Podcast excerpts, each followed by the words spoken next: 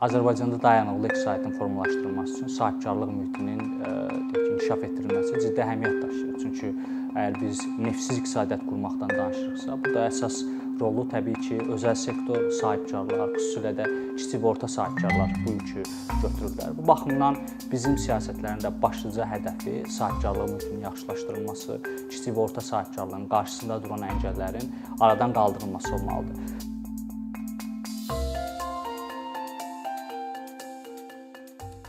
Ümumi olaraq təsnifləşdirsək ki, hansı amillər e, sahibkarlıq mühitinə və yaxud da kiçik və orta sahibkarlığın fəaliyyətinə təsir göstərir. Biz bunları institusional şərtlər çərçivəsində qeyd edə bilərik. Bunları qeyd edə bilərik sahibkarların, xüsusilə də kiçik və orta sahibkarların maliyyəyə çıxış məsələləri, maliyyə resursu məsələləri, kiçik və orta sahibkarlığın bacarıqları məsələləri, eyni zamanda kiçik və orta sahibkarların əməkdaşlığı, yəni onlar e, deyək öz aralarında necə bir-birlərindən öyrənirlər və yaxud da öz aralarındakı əməkdaşlıqlar onların rəqabətliliyinin artırılmasına necə e, təsir göstərir və yaxud da xarici investorlarla olan əməkdaşlıqları Azərbaycanda deyək ki, sahibkarların inkişafına necə təsir göstərir. Bütün siyasətlər bu istiqamətdə e, koordinasiya edilməlidir. İlkin olaraq başlasaq deyək ki, hansı institusional şərtlər önəmlidir? Burada başlıca olaraq qeyd eləməliyik ki, mülkiyyət hüquqlarının qorunması məsələsi.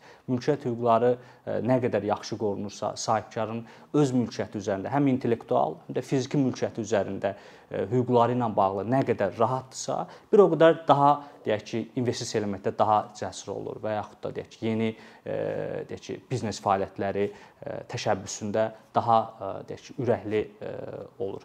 Bu baxımdan deyək ki, məhkəmə deyək ki, ədliyyə sisteminin təkmilləşdirilməsi, deyək ki, eyni zamanda mülkiyyət hüquqlarının, xüsusən də intellektual mülkiyyətin deyək ki, qorunmasında zəruri olan siyasətlərin həyata keçirilməsi burada önəm daşıyır. Bundan başqa rəqabət mühiti, rəqabət mühitinin yaxşılaşdırılması ölkəmizdə xüsusən əhəmiyyət daşıyır. Çünki bir sıra nümunələrdə biz görürük ki, inzibati mövqelərdə vəzifə tutan şəxslər özlərinin inzibati imkanlarından istifadə edərək bunu öz biznesləri deyək ki, istiqamətində haqsız rəqabət yaratmaq üçün istifadə edirlər. Bu baxımdan rəqabət siyasətlərinin başlıca hədəfindən biri olmalıdır ki, deyək ki, həm inzibati sahədə mövqe tutan şəxslərin, eyni zamanda digər xüsusən də iri bizneslərin haqsız rəqabət deyək ki, şəraiti formalaşdırıb orta sahibkarlığı, kiçik sahibkarlığı sıxışdırmanın qarşısını ala bilər.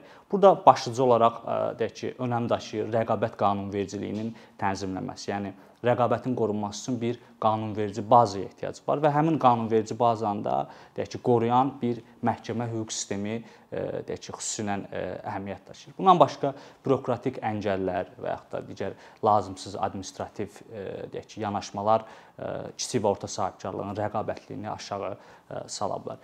Bir də bildiyiniz kimi müxtəlif ölkələrdə sahibkarlığın mühitini, sahibkarları təşviq etmək üçün siyasətlərdən istifadə edilir. Amma bəzən o siyasətlər öz hədəfinə çatmır. Həmin siyasətlərin hədəfinə çatması üçün də sahibkarlarla dövlət arasında kommunikasiyanın olması xüsusi əhəmiyyət daşıyır. Yəni bu da sahibkarlar birlikləri formatında dövlətlə müəyyən dialoq şəklində çıxış eləyə bilərlər və yaxud da başqa kanallar vasitəsilə dövlət sahibkarlara nə lazımdır, sahibkarlar nə istəyir, hansı təşviq alətləri onlar üçün daha təsirli ola bilər. Bunu uğurlu kommunikasiya vasitəsilə müəyyənləşdirmək mümkündür. Digər bir məsələ qeyd etdiyimiz kimi e, maliyyəyə çıxış məsələsidir. Ümumiyyətcə bütün ölkələrdə kiçik və orta sahibkarlığın e, özəl sektordan, özəl banklardan kredit əldə etmək çətinliklər var. Çünki kiçik və orta sahibkarlar daha riskli e, deyək ki, borc alanlar hesab edilir. Onların borcu qaytarmaq imkanları müəyyən qədər özəl sektor bankları tərəfindən aşağı görüldüyündən onlar müəyyən qədər maliyyə resursuna çıxış əldə edə bilmir. Burada artıq yenidən dövlətin deyək ki, bəlli siyasətləri önəm daşıyır. Özəl bankları, deyək özəl sektorun banklarını kiçik və orta sahibkarlığın əməkdaşlığa təşviq eləmək, bəzən sövq eləmək, eyni zamanda özünün qurduğu maliyyə institutları vasitəsilə, tutaq ki, inkişaf bankları müxtəlif ölkələrdə tətbiq edilir ki, inkişaf bankları bəlli bir spesifik industriyaları və ya da spesifik biznes qruplarını, xüsusən də kiçik və orta sahibkarları maliyyə ilə təmin etməkdə deyək ki, uğurla istifadə edilə bilər. Və yaxud da ixrac ixal bankları var ki, deyək ki, ixrac ixal əməliyyatları həyata keçirən biznes subyektlərinə maliyyə təminatı həyata keçirirlər. Ölkəmizdə də müxtəlif fondlar bu formada bank deyək ki, özəl sahibkarlığa kreditlər təmin eləyir. Amma həmin fondların da deyək ki, başlıca hədəfi olmalıdır ki, daha həssas biznes qruplarına, bu maliyyəyə daha çox ehtiyacı olan orta sahibkarlığı, kiçik sahibkarlığı deyək ki, maliyyə resurslarını təmin etsin. Eyni zamanda fəaliyyətini daha səmərəli, daha hesabatlı formada qura bilsin. Digər bir məsələ isə sahibkarların özlərinin bacarıqları məsələsidir.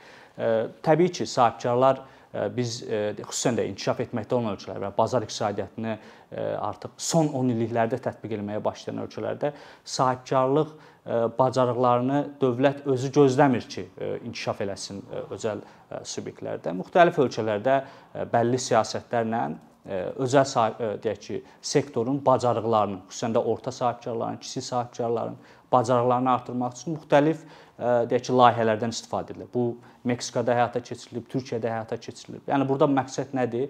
Bəlli bir treyninqlərlə, təlimlərlə deyək ki, sahibkarları yeni marketinq metodları öyrədilir və yaxud da rəqəmsal dünyaya ayaqlaşmasını sürətləndirir onların və yaxud da öz resurslarını necə səmərəli istifadə edə bilər.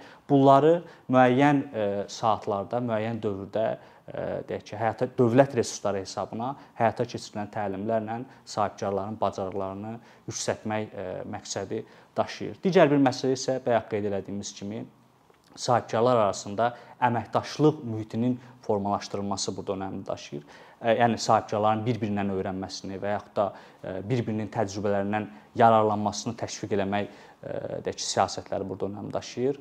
Burada istifadə edilən formatlardan biri klasterlər yanaşmasıdır. Yəni müəyyən edilmiş spesifik ərazilərdə bəlli bir sektoru təmsil edən biznes subyektlərinin təmərküzləşməsi və o biznes subyektləri bir ərazidə deyək ki, formalaşdıqda, bir ərazidə yerləşdikdə onların həm xərcləri aşağı olur. Məsələn, onlar özünün ən yaxşı bildiyi bir istiqamətdə ixtisaslaşır və o xərclərin aşağı düşməsinə səbəb olur və yaxud da bir-birinin təcrübələrini öyrənirlər və yaxud da təklikdə maliyyə resursları imkan vermirsə hansısa layihələri həyata keçirməyə, bircə o layihələri həyata keçirmək imkanı olur. Bu baxımdan klasterlərin tətbiqi və klasterlər üçün qanunverici mühitin təmin edilməsi, bu da müxtəlif ölkələrdə uğurla tətbiq edilən və ölkəmizdə də nəzərdən keçirilməli olan yanaşmalardan biridir. Digər bir məsələ isə sahibkarların fərdi bacarıqlarının inkişafında, onların daha yaxşı deyək ki, yatırım eləməsində, daha yaxşı fəaliyyət göstərməsində təsirli olan amillərdən biri də onların xarici investorlarla olan e, əlaqəsidir. Çünki normalda xarici investorlar daha təcrübəli e, biznes subyektlərdə olan resursları böyükdür, onların texnoloji qabiliyyəti böyükdür və yerli sahibkarlar xarici investorlarla, xarici böyük şirkətlərlə əməkdaşlıq mühiti, onlardan öyrənmə mühiti e, lazımi olduqda e, artıq onların da bacarıqları inkişaf etmiş olur. Onların da texnoloji e, qabiliyyəti inkişaf etmiş olur. Məsələn, bu son illərdə ən uğurla tətbiq olunub Çində müxtəlif dövlət siyasətləri ilə məsələn xarici investorları məcbur eləyiblər ki, yerli şirkətlərlə bir formada əməkdaşlıq qursunlar, bir formada işləsinlər və o zamanla həmin yerli şirkətlərin həmin təcrübələri öyrənməsinə və artıq bir müddətdən sonra artıq həmin deyək ki, xarici investorla belə rəqabətli şirkət olması səviyyəsinə gətirib çıxarıb. Bütün bunlar hamısı kompleks siyasətlərdir və bu siyasətlərin hər biri deyək ki, digəri qədər əhəmiyyətlidir. Onlar tətbiq edilərkən deyək ki, müxtəlif qurumlar arasında koordinasiyanın olması əhəmiyyətlidir. Dövlət qurumları arasında koordinasiya sahibkarlara yönələn təşviq siyasətlərinin uğurla həyata keçirilməsinə gətirib çıxara bilər.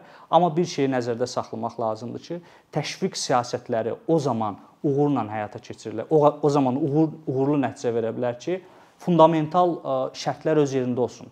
Fundamental şərtlər nədir?